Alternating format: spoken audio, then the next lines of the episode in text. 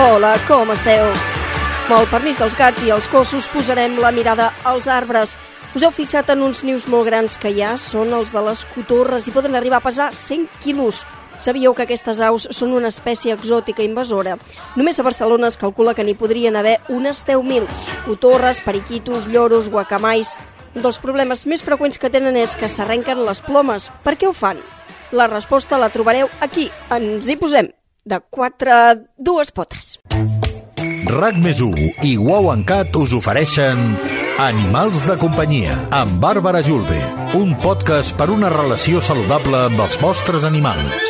If you see the bright side, you'll be free. Avui al Bar d'Animals comptarem amb en Peyu, l'actor i humorista té gos a casa. Bé, concretament quatre gossos i a més un ramat de cabres, cavalls i gallines. A l'alternativa coneixerem el reiki, una tècnica de canalització i transmissió d'energia vital a través de les mans amb la veterinària del Nahual, Rocío Puigcer. I l'oient segueix sense donar senyals de vida. Hi ha algú per aquí que em pugui formular avui la pregunta... Vaig cap a la redacció d'Esports. Veig allà la Gemma Montero. Gemma, Hola, Bàrbara, què tal? Mira, saps què m'ha passat? Que m'ha fallat l'oient, no el trobo i algú li ha de traslladar una pregunta o bé al veterinari d'avui o a l'expert en la relació entre humans i animals que tenim al podcast. Tu no tens pas alguna pregunta? Doncs mira, sí, tinc dos periquitos i estic una mica preocupada per ells, el Rio i la Nissa, perquè, mira, tots dos tenen sarna, que van arribar amb ella segurament, però bueno, els estem tractant i això eh, no, no em preocupa. Però ella, la Nissa, està tot el dia ajupida cap endavant i, i trista. I li han fet proves, està en tractament ja fa molts dies, segurament és una cosa de fetge, però els he portat exòtics i potser estem, mm, creiem que, que la causa de tot plegat és els nervis, l'estrès, perquè conviuen amb un gat, amb l'Arxi, que és tremendo, que no es deixa en pau, que vol jugar amb ells, i mm, tot i que estan apartats, sempre hi ha moments que, que s'acaben trobant.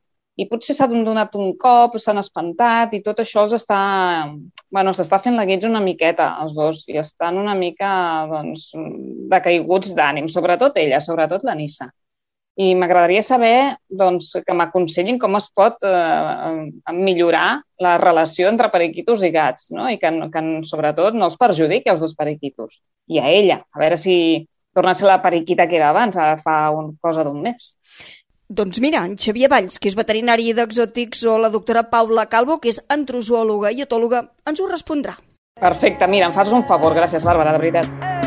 Som com dos ocells a dins la nit.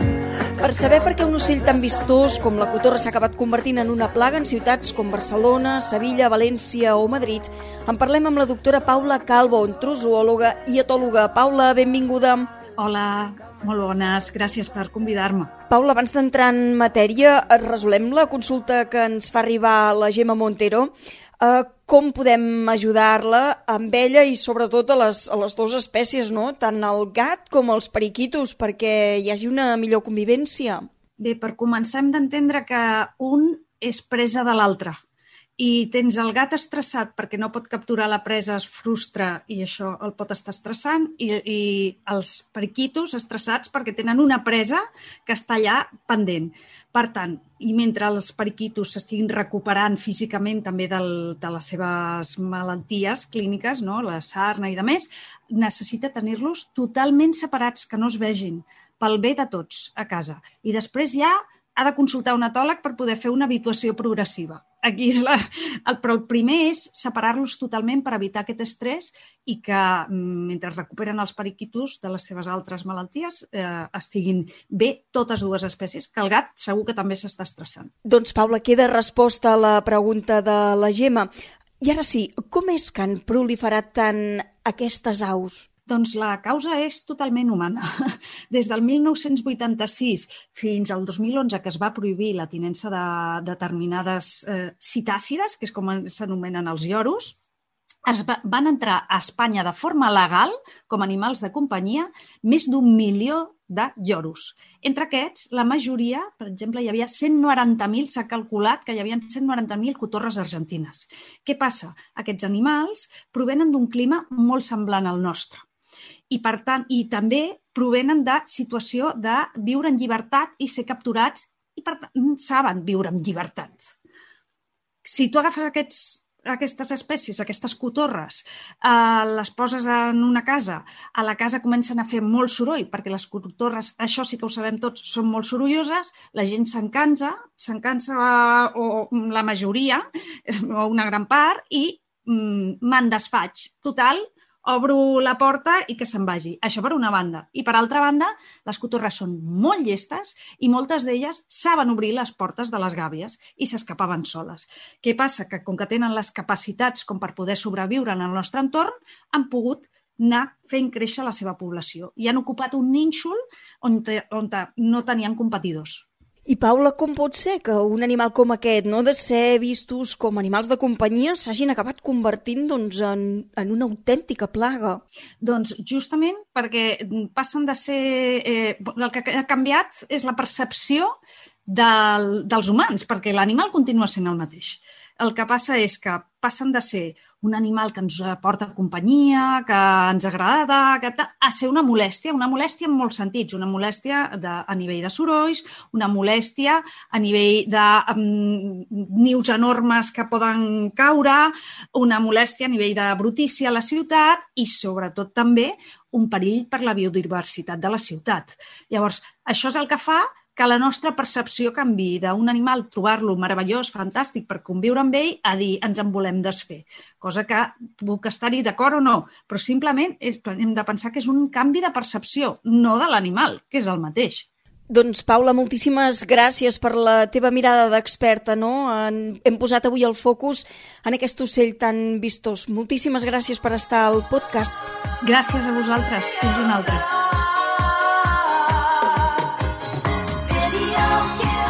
Un dels problemes que més pateixen les cotorres i molts altres ocells és la caiguda del plomatge. Més que perdre plomes, se les arrenquen. Un dels motius pels quals sol passar això és per l'estrès que els genera estar engaviats. Si en voleu saber més, no us perdeu l'entrevista d'avui. Qui té més detalls d'aquesta afectació és el veterinari Xavi Valls, de la Clínica Exotics de Barcelona. Xavi, benvingut. Com estàs? Hola, bon dia. Moltes gràcies. Molt bé. Uh, Xavi, veiem que el nostre animal de companyia mm, s'està quedant sense plomes. Què li passa exactament? Què hem de fer? A veure, la, el, els ocells són animals molt intel·ligents. Penseu que volen i cada dia volen, depenent de l'espècie del tamany de l'animal, volaran més o menys quilòmetres, però ells estan acostumats a una vida lliure. Quan nosaltres els mantenim en captivitat dintre d'una casa, si estan en una gàbia, clar, tot aquest vol no el poden fer són llestos i aleshores com es distreuen? A vegades doncs, comencen a arrencar una plometa, eh, això els hi fa com gràcia, a vegades els hi veuen que el propietari es preocupa, li contesta, el, vaja a veure què li passa a l'ocellet, ai, què et passa, perquè t'arrenques el ploma, ai, que et faràs mal, i crees un lligam una mica eh, tòxic, no? per dir-ho d'alguna manera, perquè l'animal rep un input positiu de que tu et preocupes per ell quan ell s'arrenca o s'estira una ploma i això es va tornant com un vici. És realment un, un, un problema molt comú en la major part d'ocells que es mantenen en captivitat, sobretot, sobretot els citàcids. I quin és el tractament? Perquè bo això no pot ser de cap manera.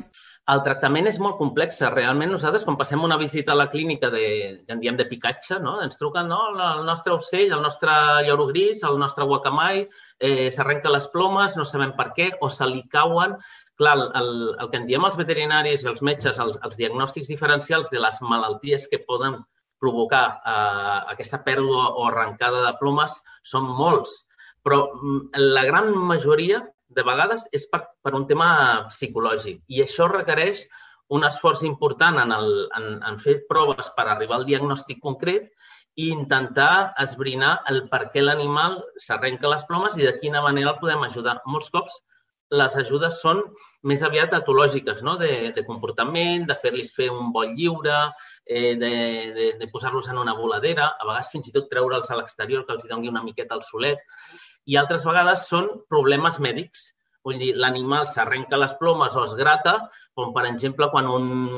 veiem els periquitos aquests que tenen lesions al voltant del bec, s'arrenquen les plomes al voltant del bec o del coll, i això és perquè tenen paràsits que són àcars Aquí hem de diferenciar molt si es tracta d'una malaltia orgànica, una inflamació al fetge, que pot provocar també un, una picor o una al·lèrgia alimentària, pot provocar un, un, una picor en aquest ocell i picar-se o arrencar-se les plomes, o si és un, un tema de comportament.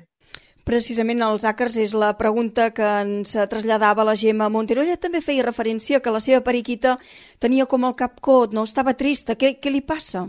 A veure, quan un ocell està trist, amb el cap baix, eh, molts cops és perquè no es troba bé. Els ocells tenen una temperatura corporal molt alta, de 42 graus, i és impossible mirar amb un termòmetre si tenen febre o no. Quan estan amb el cap baix és que no es troben bé. Pot ser un problema de fetge, que no depuri bé la sang, pot ser eh, que estigui desanimada per algun altre motiu.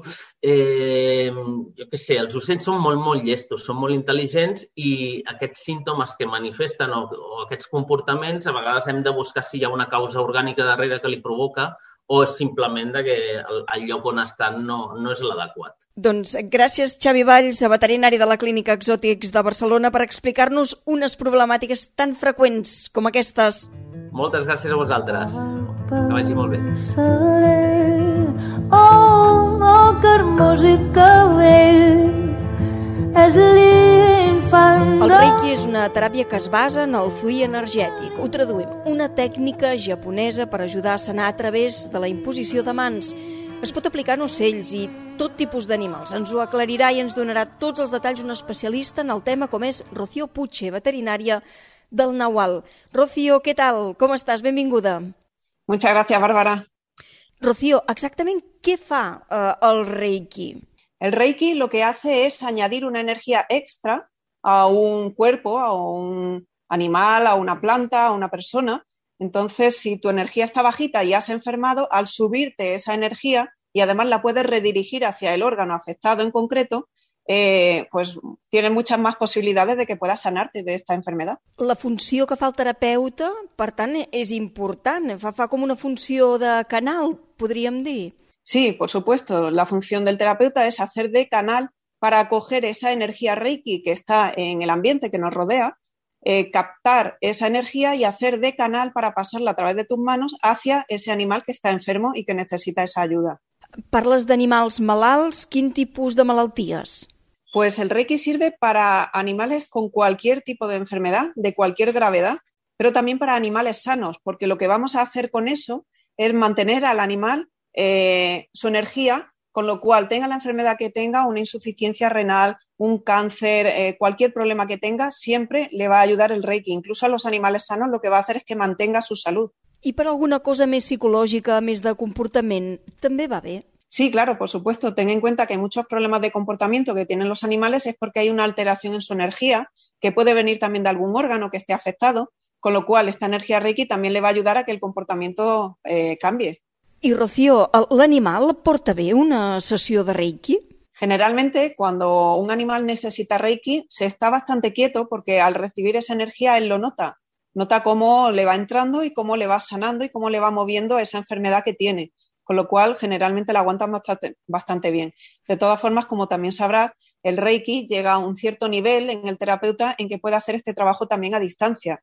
Con lo cual, podría hacer ese trabajo sin tener que tocar al animal y estando pues el animal más alejado, incluso no estando el animal presente, también llegaría esta energía Reiki a través del terapeuta que está entrenado para, para hacerlo de esta manera.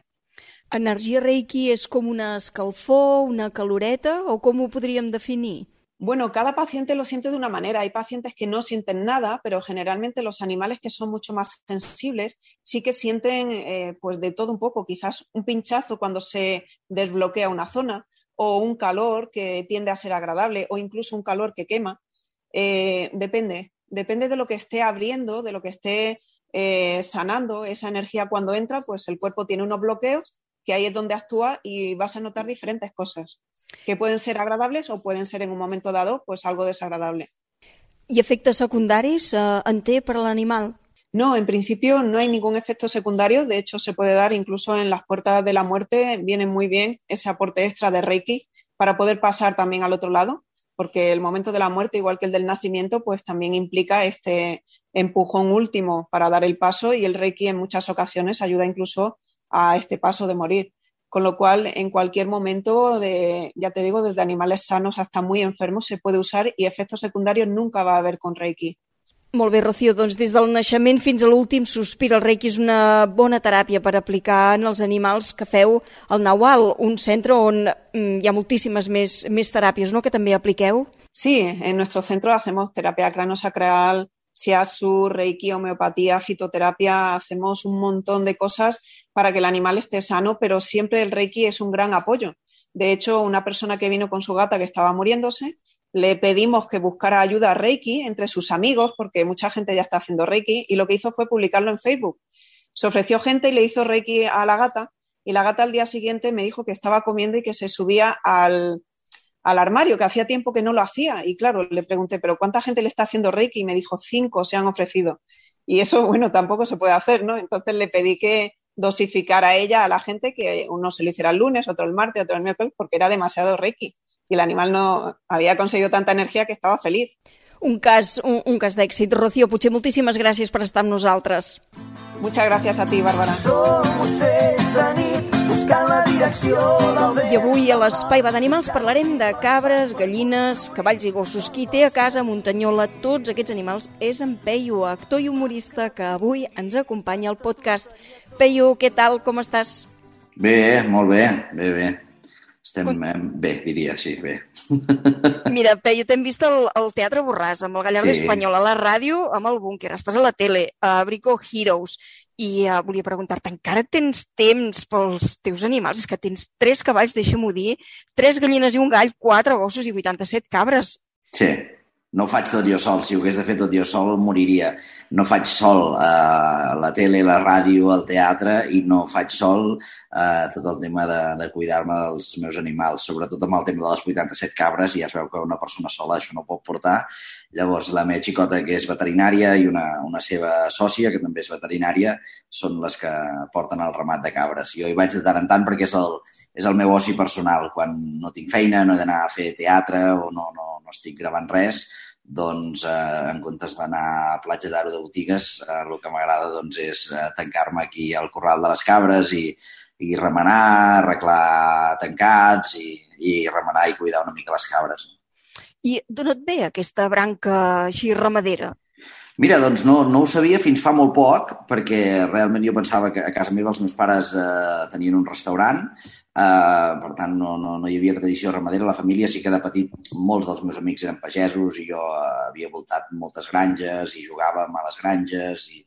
Però un dia dinant, no fa gaire, el meu pare em va dir el teu besavi tenia cabres, era pastor de cabres. Dic, bueno, i, dic, i què esperaves a dir-m'ho? Oh, bueno, no sé, mira, ara m'he recordat que d'allò, dic, ah, vale, vale, no, dic, fas bé de dir-m'ho perquè algun dia a la ràdio o algun lloc em preguntaran i, tu tens algun origen amb el tema de les cabres? I diré, no, no, no hi ha ningú de la família. Doncs es veu que el meu besavi era, era pastor de cabres. Tens aquest ramat propi a Muntanyola, en fas visites i tastos, les cabres fan un formatge que comercialitzes, eh, amb confiança amb què et quedaries, amb un auditori ple al teatre o, escolta'm, amb aquest ramat de cabres prenyades fent formatges? Mira, eh, doncs eh, no et sabria dir, depèn de l'edat i del moment en què m'enganxi. Eh, gaudeixo molt amb, amb les dues coses. Eh, segurament si em traiessin al teatre, podria viure sense fer tele, sense fer ràdio, però sense fer teatre crec que em costaria, perquè el que dius tu de l'auditori ple, eh, ara que hem recuperat gairebé el 100% de l'ocupació i tenim els teatres gairebé plens, és molt xula la sensació quan fas humor d'aguantar-los el gag i la pausa i el silenci i rematar el gag just quan tu vols i fer-los esclatar a riure tots al mateix temps, això, això és molt gratificant però sempre dic que algun dia, quan em cansi de tot això, de tot el soroll mediàtic, eh, segurament em dedicaré exclusivament només a les cabres i a les meves tonteries i, i seré la mar de feliç també. Ara tens quatre gossos, de petit havies tingut també un gos, no?, sempre a casa, Sí. i a més a més periquitos i cotorres, o un periquito i una Sí. cotorra... Algun periquito de tant en tant queia perquè el meu pare és de l'Espanyol, llavors sempre hi havia un periquito per casa. Uh, un va traspassar malauradament perquè la senyora que venia a netejar va arruixar la cuina amb matamosques i no va treure el periquito de dintre i la va palmar. I el, llavors vam una cotorra, crec que va ser regal de comunió la cotorra, més o menys cap als 9 anys o així, i la vam, la vam tenir sempre, sempre per casa. I en vols adoptar algun més d'animal, o ja... Doncs, què? mira, no, si em voleu adoptar algun dels meus, eh, us Te'l regales? tants com vulgueu. Ara mateix, eh, si voleu algun cavall, eh, algun gos també, doncs eh, mira, estaria encantat de, de regalar-ne algun. Home, jo de cabres en tenia, eh, també. El que passa que Sí? són molt cridaneres, eh, les cabres, sobretot quan tenen gana. No trobes? Sí, bueno, tot el bestiar, però els humans també ho som, eh? A casa meva havíem tingut restaurant i fins que no els hi portaves el plat a taula, sobretot gent gran, que eh, es tornen més animals amb l'edat, eh, venien autocars de jubilats a esmorzar i fins que no tenien l'entrepà i la boca plena no callaven els malparits, eh? Sí, sí, són com ben ben ramat això de, de xais o de cabres. Escolta'm, eh, Peyu, per acabar, quin llibre o pel·lícula d'animals ens recomanaries? Uh, ostres, doncs, uh, mira, uh, tiro, tiro cap a casa i faig propaganda. Hi ha una pel·lícula que m'agrada molt, que és d'animació, de pingüins, que va ser la primera pel·lícula que, que vaig doblar uh, a un protagonista. I el, el pingüí protagonista, que la pel·lícula es diu Bojos pel surf, en català porta la meva veu i a banda de portar la meva veu té molts altres interessos. La pel·lícula és, és molt divertida i bueno, va de pingüins, bàsicament. Doncs, Peyu, moltíssimes gràcies per compartir aquesta estona amb nosaltres i transmetre'ns aquesta passió que tens pels animals. Si volem alguna cabra, t'avisem, eh? Fem Perfecte. un truc. Jo- si voleu formatge, també, eh? També. És fàcil. Molt bé, moltíssimes gràcies. Una abraçada. Que vagi bé.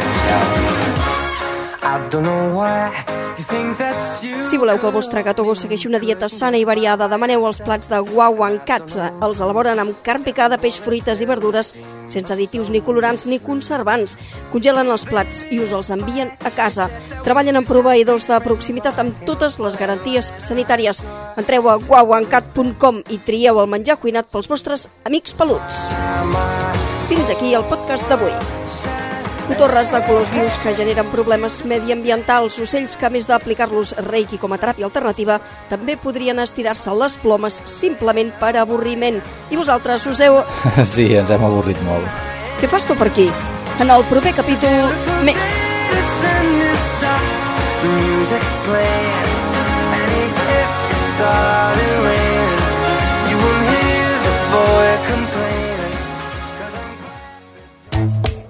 RAC més i Wow Cat us ofereixen Animals de companyia amb Bàrbara Julve, un podcast per una relació saludable amb els vostres animals.